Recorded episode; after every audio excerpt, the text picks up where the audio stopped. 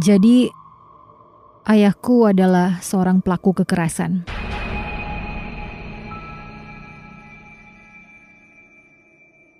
Dia tidak pernah benar-benar menyentuhku.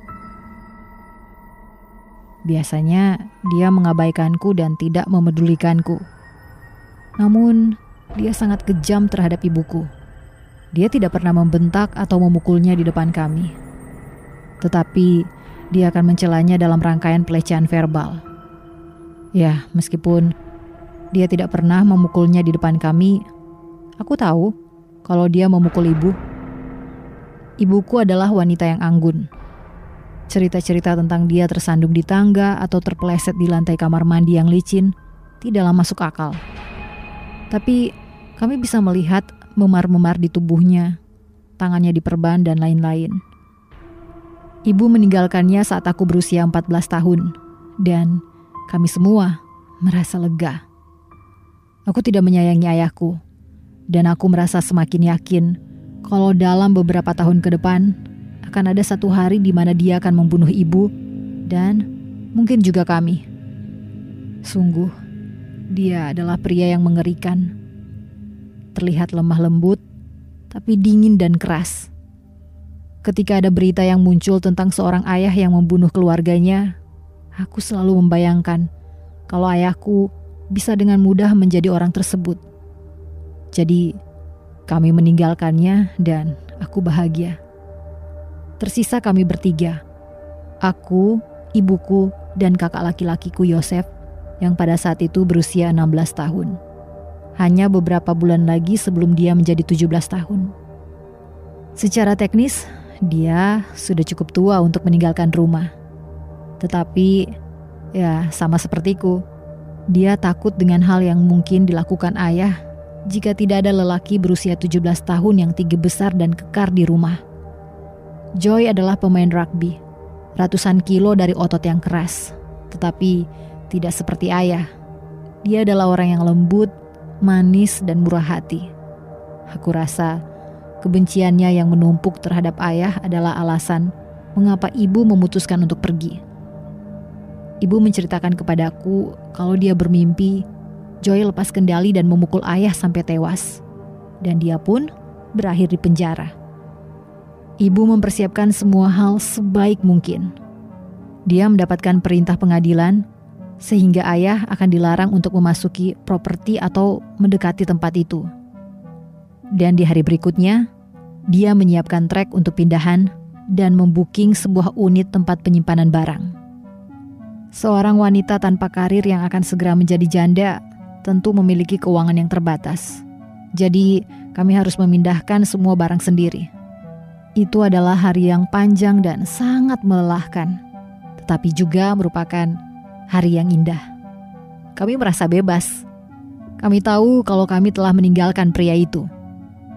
Sebagian besar dari barang-barang kami berada di unit yang disewa ibu, dan kami tinggal di apartemen Bella, adik dari ibu. Suaminya bernama Steve. Kami tinggal di sana selama beberapa bulan. Apartemen mereka sudah cukup kecil untuk mereka berdua. Dan ditambah tiga orang lagi, itu menjadi sangat sempit. Rencana ibu cukup sederhana. Mendapatkan pekerjaan apa pun itu. Kemudian sebuah tempat yang bisa kami sewa. Namun, peluang kerja untuk seorang janda berumur 40-an yang sudah tidak bekerja selama hampir 20 tahun tidaklah bagus. Untungnya, pemerintah memberikan dana bantuan. Ditambah dengan penghasilan Joy dari pekerjaannya di akhir pekan sebagai asisten greenskeeper di lapangan golf sekitar, kami akhirnya memiliki uang yang cukup untuk pindah ke tempat yang sangat murah. Sebenarnya, alasan kami pindah bukan hanya karena sempit. Ibu tidak banyak membicarakannya, tapi dia tahu kalau ayah mengetahui alamat apartemen adiknya. Ada beberapa waktu di mana telepon akan berdering di tengah malam dan si penelpon akan menutup teleponnya tanpa mengatakan apa pun. Jadi, ibu mulai cemas. Keberuntungan kami datang di saat yang sangat pas. Ibu mendapatkan interview pekerjaan untuk posisi admin kantor. Dan interviewnya berjalan dengan sangat baik. Orang yang menginterview ibu adalah wanita tua yang simpatis, dan ibu berkata jujur tentang alasan mengapa dia mencari pekerjaan. Kemudian, dalam perjalanan pulang, ibu melihat papan bertuliskan "disewakan". Ibuku adalah orang yang sangat spiritual. Dia tidak memeluk satu agama. Ya, bisa dibilang gabungan dari semua itu. Jadi, dia merasa begitu yakin kalau itu adalah sebuah pertanda. Dia langsung turun di perhentian bus terdekat dan berlari kembali untuk melihat rumah yang disewakan. Ya, itu adalah sebuah rumah, bukan rumah petak atau apartemen. Sebagian besar orang yang berada di posisi ibuku pasti akan mengabaikannya, menduga kalau harga sewanya pasti di luar kemampuan mereka. Tapi ibuku adalah orang yang sangat teliti. Jalan yang dilaluinya membentang di sepanjang semacam bukit di antara dua bukit Rumah itu berada di sisi jalan yang menanjak, bersarang di lereng yang cukup curam. Karenanya, halaman belakang dari rumah itu jauh lebih tinggi dari jalan, dan pintu belakangnya sejajar dengan lantai atas dari bagian depan rumah. Ibuku melihat bagian luar dari rumah tersebut. Plesteran di atas bata yang dicat dengan warna krem itu terlihat sudah lusuh. Bangunannya dipenuhi kotoran, tapi bisa dengan mudah dibersihkan menggunakan air dan sapu. Namun, fakta kalau tidak ada orang yang membersihkannya membuat ibu yakin kalau rumah itu sudah lama tidak ditinggali. Ibu kemudian melihat lebih jelas papan disewakan yang berayun pada kotak surat di halaman depan. Ya, itu juga terlihat sudah usang. Kemudian, ibu langsung mencatat nomor teleponnya dan hampir berlari kembali ke halte bus. Instingnya tidak salah.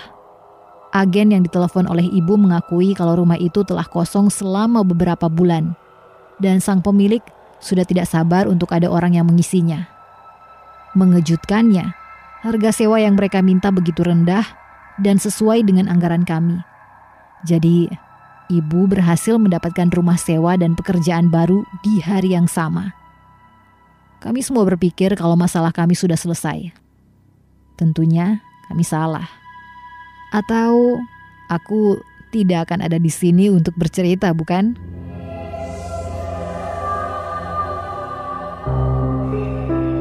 Rumah ini sebenarnya rumah yang cukup bagus. Punya banyak kamar untuk kami bertiga. Kami mengeluarkan seluruh barang kami dari unit penyimpanan dan masih ada beberapa ruangan kosong yang tersisa. Untuk waktu yang lama, aku dan Joy berbagi kamar. Rasanya cukup aneh pada saat pertama kali aku mendapatkan kamar pribadi. Penghuni rumah yang sebelumnya meninggalkan beberapa barang. Ada sebuah lemari pakaian yang besar di kamarku, dan koleksi pakaianku yang minim bahkan tidak bisa mengisi setengah dari lemari tersebut. Dalam beberapa minggu pertama, kami mampir ke tempat-tempat yang menjual furnitur bekas dan membeli beberapa barang yang masih bagus dengan harga murah, termasuk sebuah meja belajar untukku mengerjakan pekerjaan sekolah. Namun, ada satu hal yang membuat rumah ini tidak sempurna. Ruangan di bawah tangga.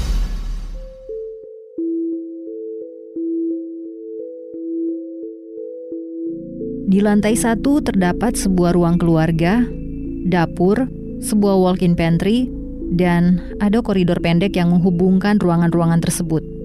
Tangga yang mengarah ke kamar tidur disatukan dengan dapur, bukannya ruang keluarga. Namun ada juga tangga pendek ke arah bawah yang bercabang dari koridor pendek antara dapur dan ruang keluarga. Sebenarnya tidak bisa dibilang sebagai tangga, karena itu hanya memiliki sekitar delapan anak tangga.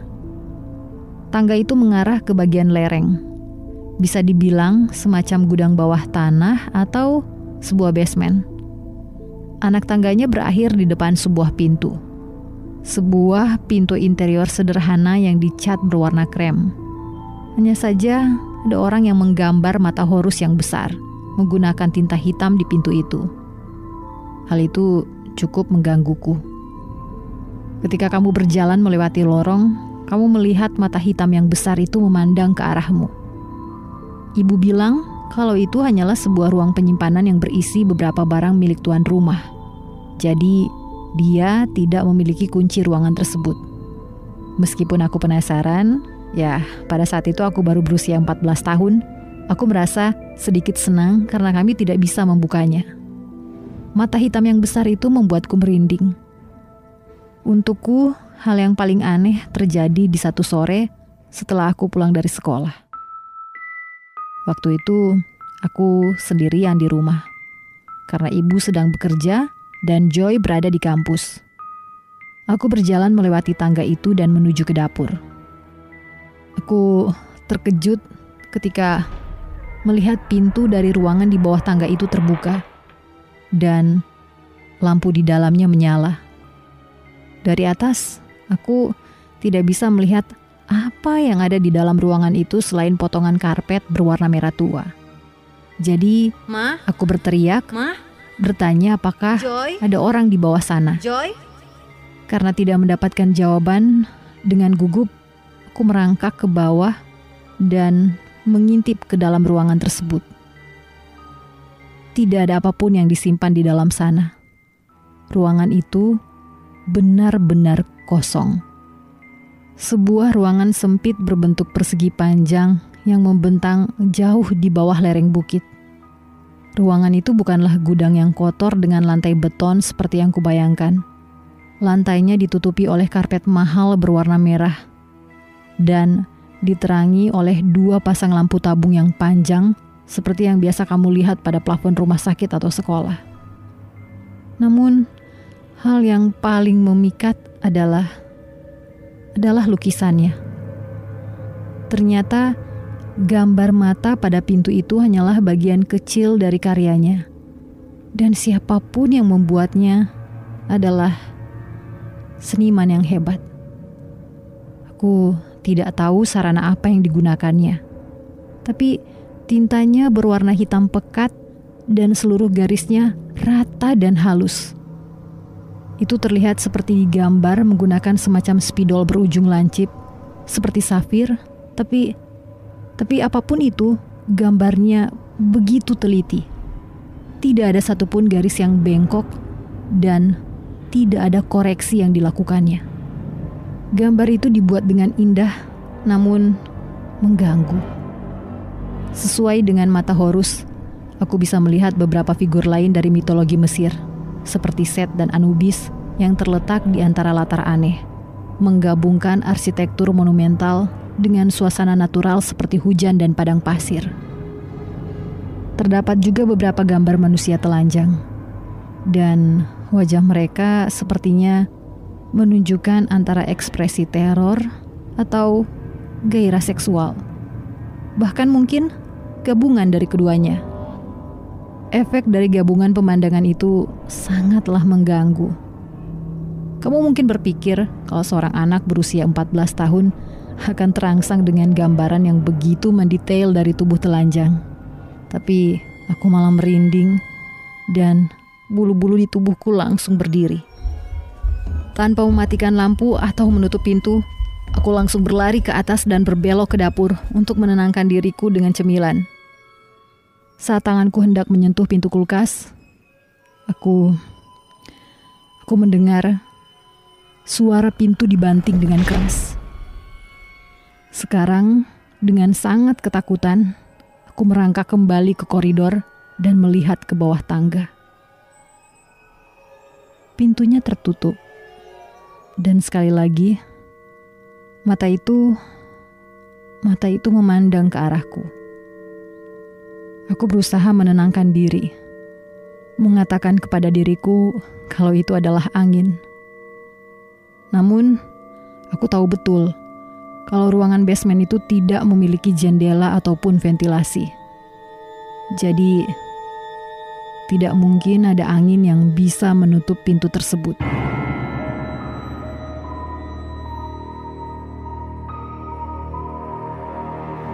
Ternyata kejadian aneh dialami oleh kami semua. Namun, kami terlalu malu untuk membicarakannya.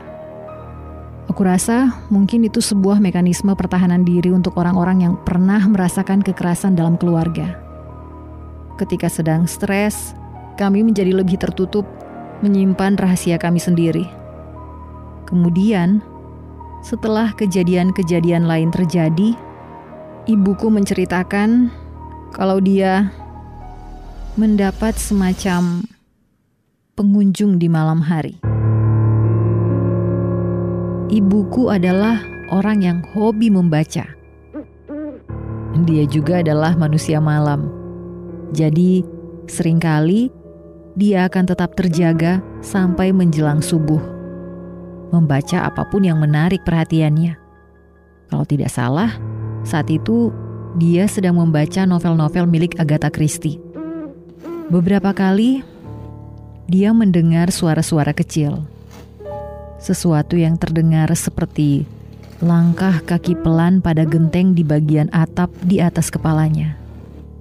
Seperti kaki yang memiliki cakar dari makhluk kecil. Dia menganggap itu hanyalah ulah binatang. Ya, katakan saja burung atau semacamnya. Tetapi bunyi itu semakin keras setelah beberapa minggu. Yang terburuk terjadi pada satu malam. Mungkin setelah sekitar dua atau tiga bulan kami pindah ke rumah itu. Bunyi-bunyian dari atap itu muncul beberapa kali dalam seminggu selama lebih dari satu bulan. Pada saat itu, ibu masih mengabaikannya. Namun, pada malam itu, sepertinya bunyi tersebut semakin mengganggu, seperti ingin mendapatkan perhatian dari ibu. Ibu mendengar bunyi itu berderak turun dari atap keselokan. Kemudian, sepertinya bunyi itu berhenti. Kamar ibu berada di lantai atas pada bagian depan rumah, dan terdapat sebuah jendela besar yang menjorok keluar dengan pemandangan yang luas ke jalan bawah. Beberapa menit setelah bunyi-bunyian di atap berhenti, sesuatu mulai mengetuk jendela secara perlahan.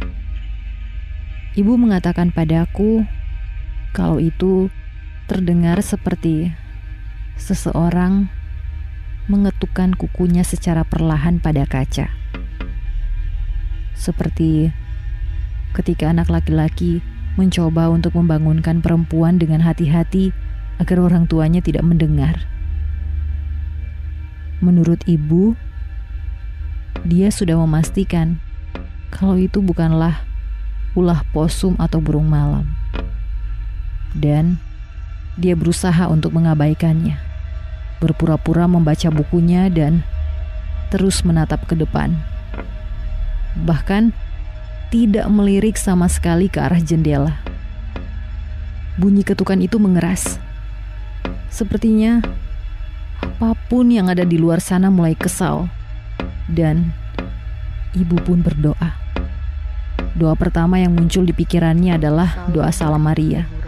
Dan dia mengucapkannya dengan keras. Ibu melakukan semua itu sambil tetap mengunci pandangannya di bagian tengah buku. Tetapi dia tidak lagi melihat kata-kata yang tercetak. Ketika doa itu selesai, suara ketukan pun berhenti. Setelah malam itu, suara itu tidak pernah terdengar lagi. Akan tetapi, kejadian aneh muncul di bagian lain dari rumah.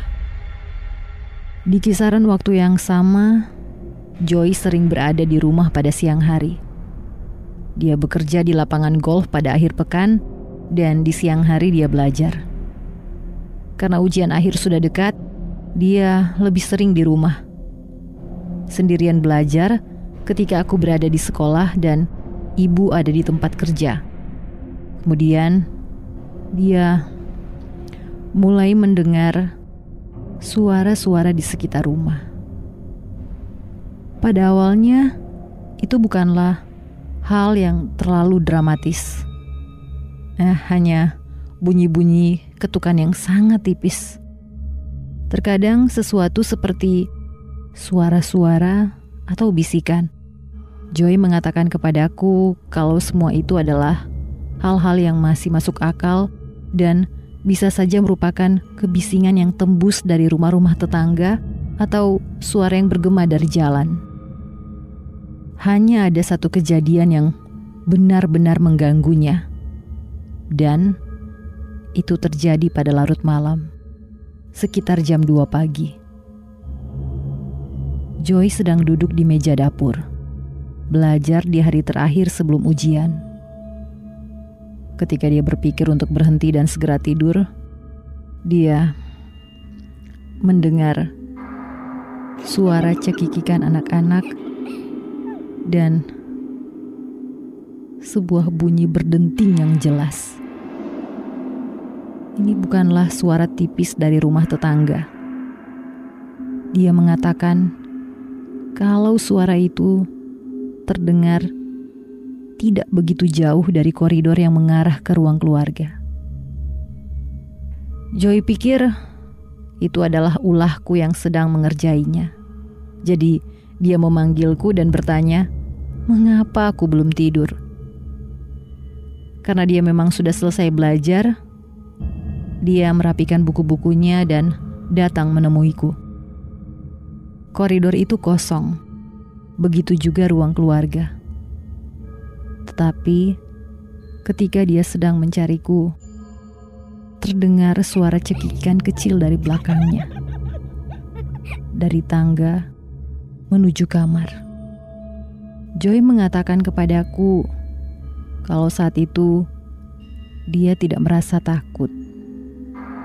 Hanya kebingungan bagaimana aku bisa melewatinya tanpa disadarinya. Dia mulai merasa takut ketika melewati dapur dan menuju tangga. Namun, tidak ada siapa pun di sana.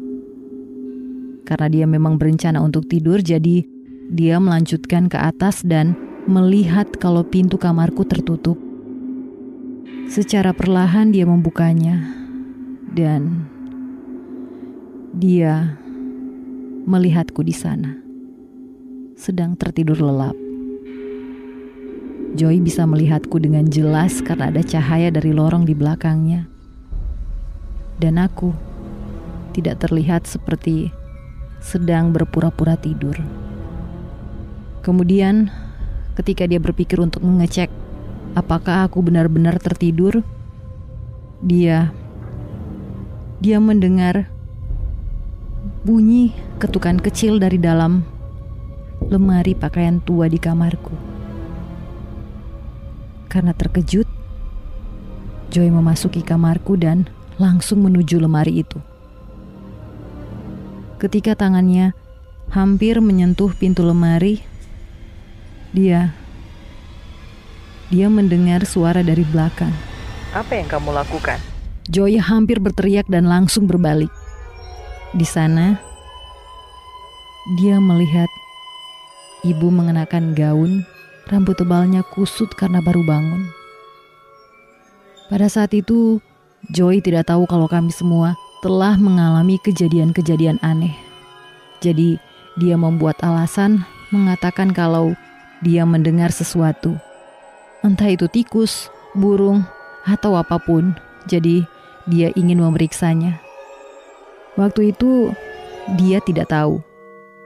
Tetapi Ketika ibu mendengar itu, ibu langsung merinding karena suara-suara itu sangat mirip dengan suara-suara yang ibu dengar dari atap. Namun, meski begitu, ibu tidak mengatakan apa pun.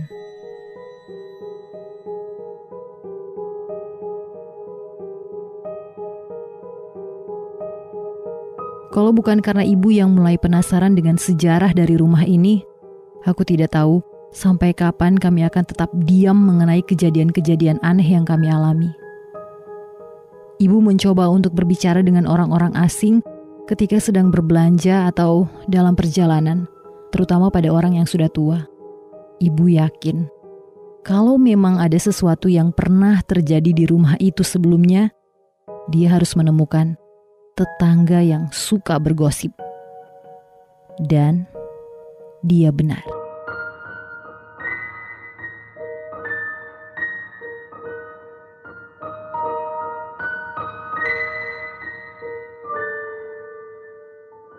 Pada satu hari, ibu sedang membeli buku Agatha Christie lainnya. Dia bercerita dengan tukang koran tua yang menjual buku itu, menanyakan kalau sudah berapa lama dia tinggal di lingkungan ini. Setelah kedekatan terjalin, ibu bertanya, apakah dia tahu tentang sejarah dari rumah berwarna krem yang terletak di sisi bukit. Wajahnya langsung mengerut dan dia menggelengkan kepalanya dengan serius sambil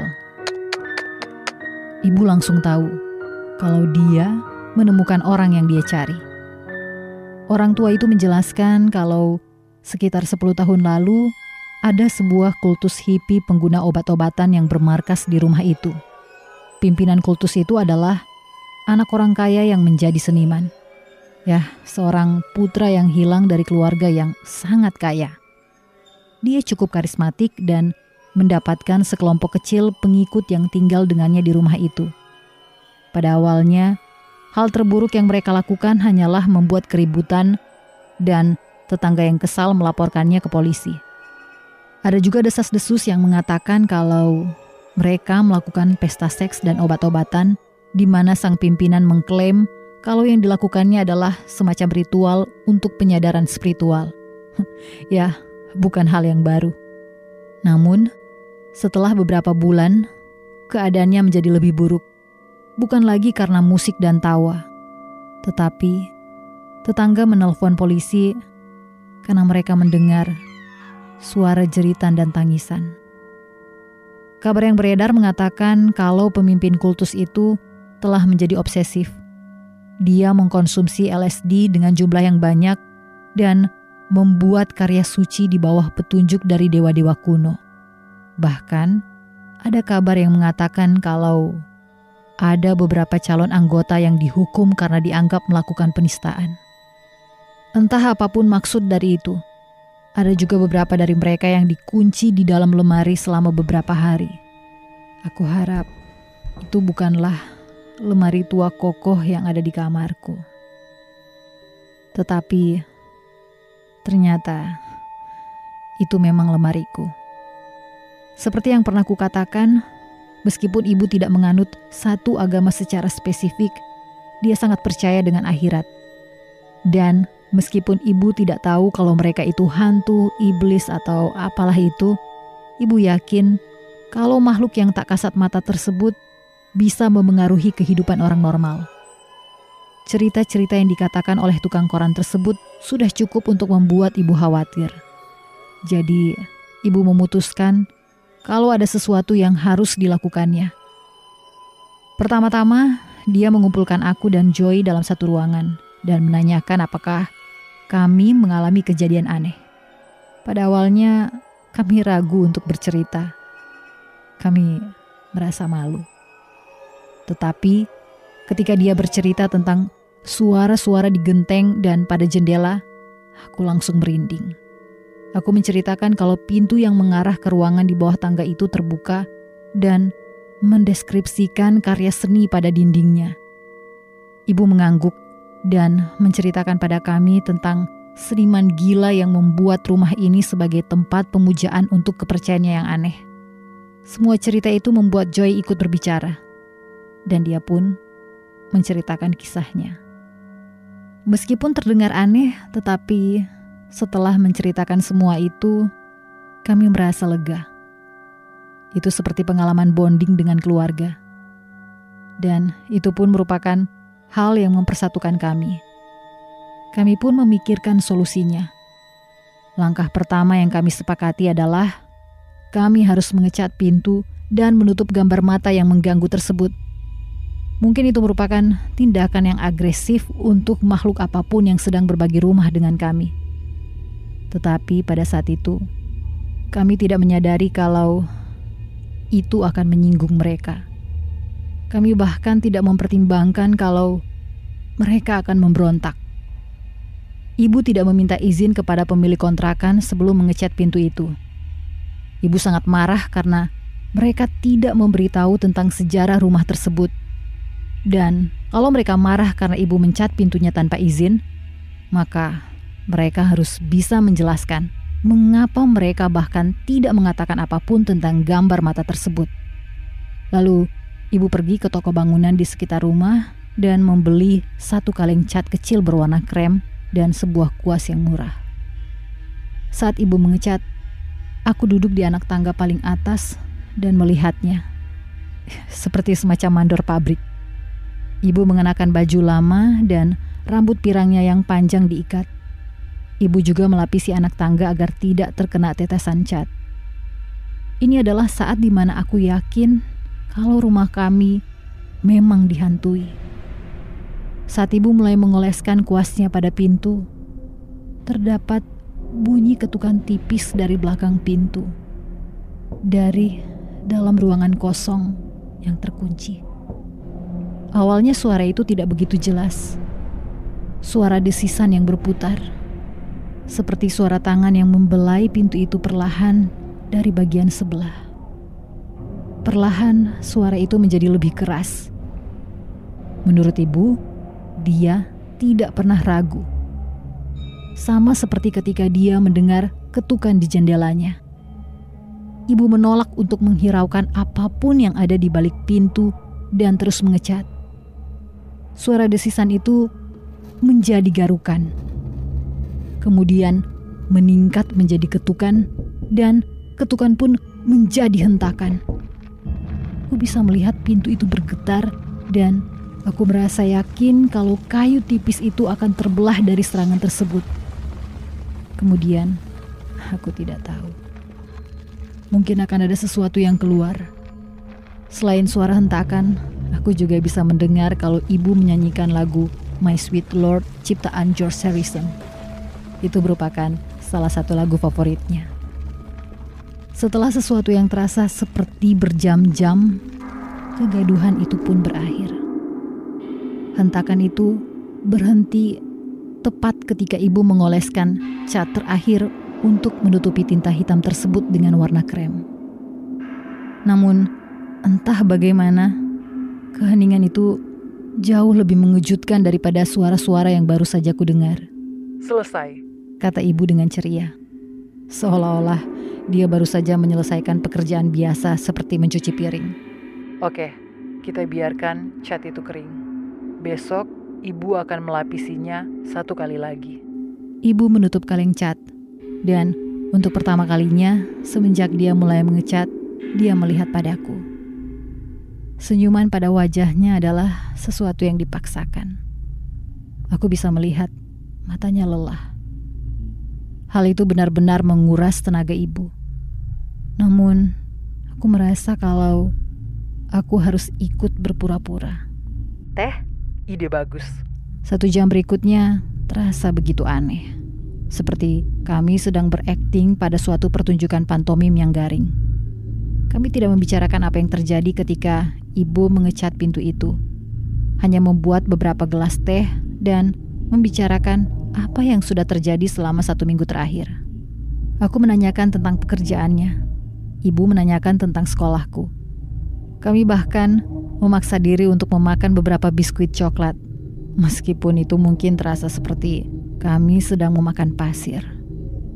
Aku baru sadar sekarang, setelah bertahun-tahun dari kejadian itu. Tidak ada dari kami yang pernah menyarankan untuk pindah rumah. Kami baru saja tinggal di rumah itu selama beberapa bulan tetapi kami mempunyai rasa kepemilikan yang kuat terhadap rumah itu. Rumah itu adalah suatu tempat yang aman untuk kami. Ya, rumah kami.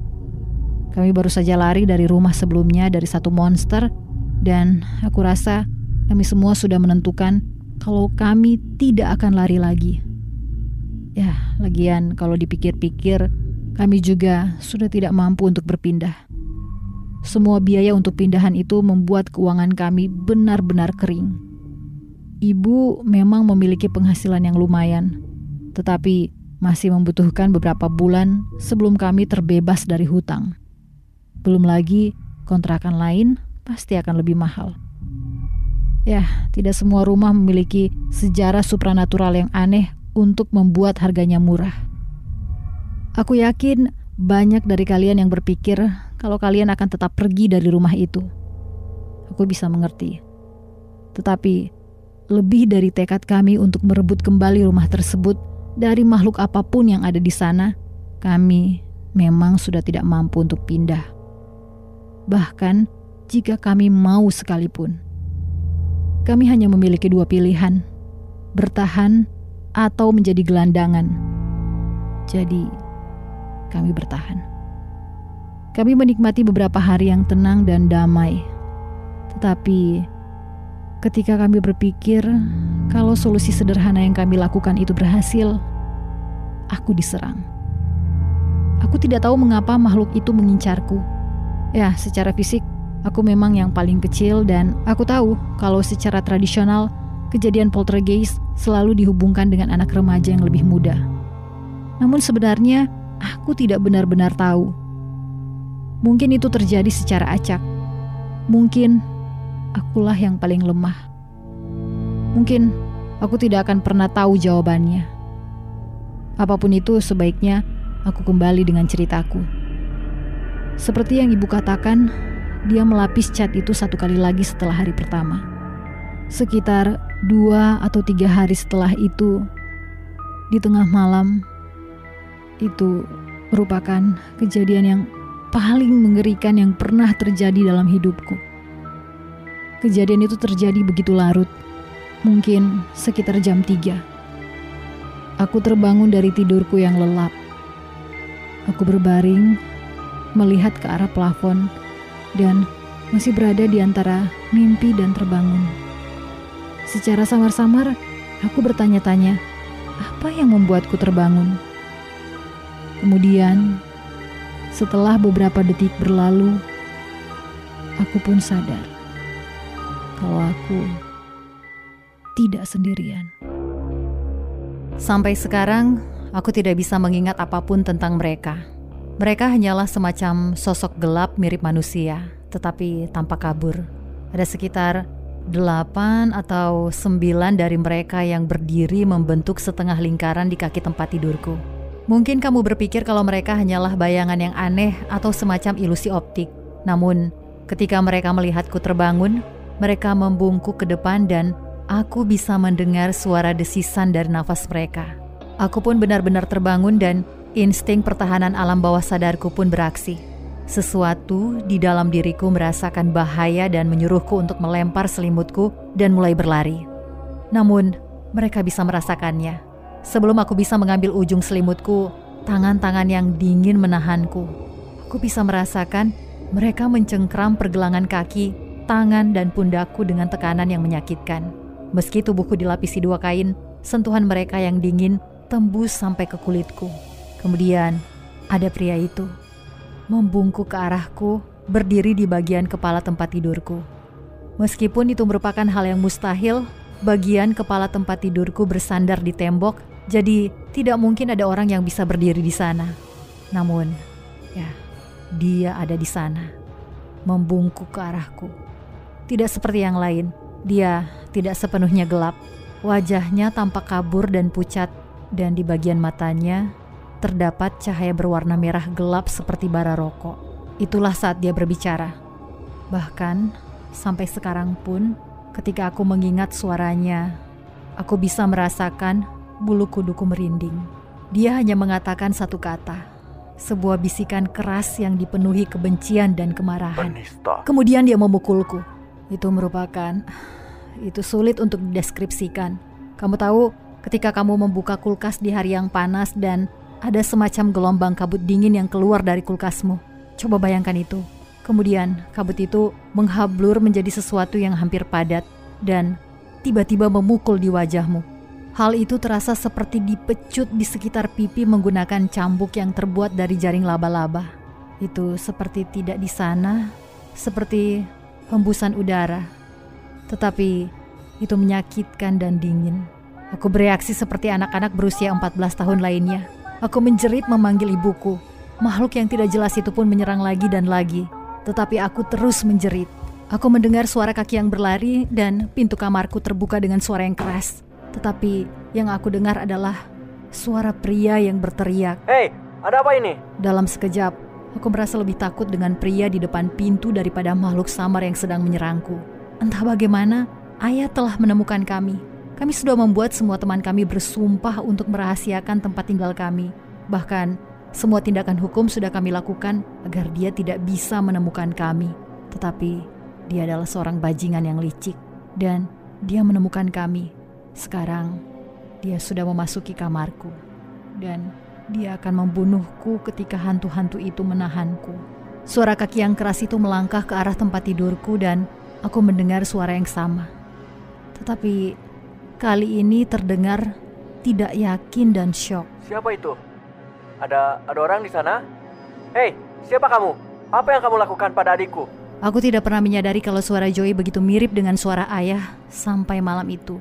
Aku juga tidak pernah mengatakan itu padanya dan aku tidak akan melakukannya. Itu bukanlah sesuatu yang perlu diketahuinya.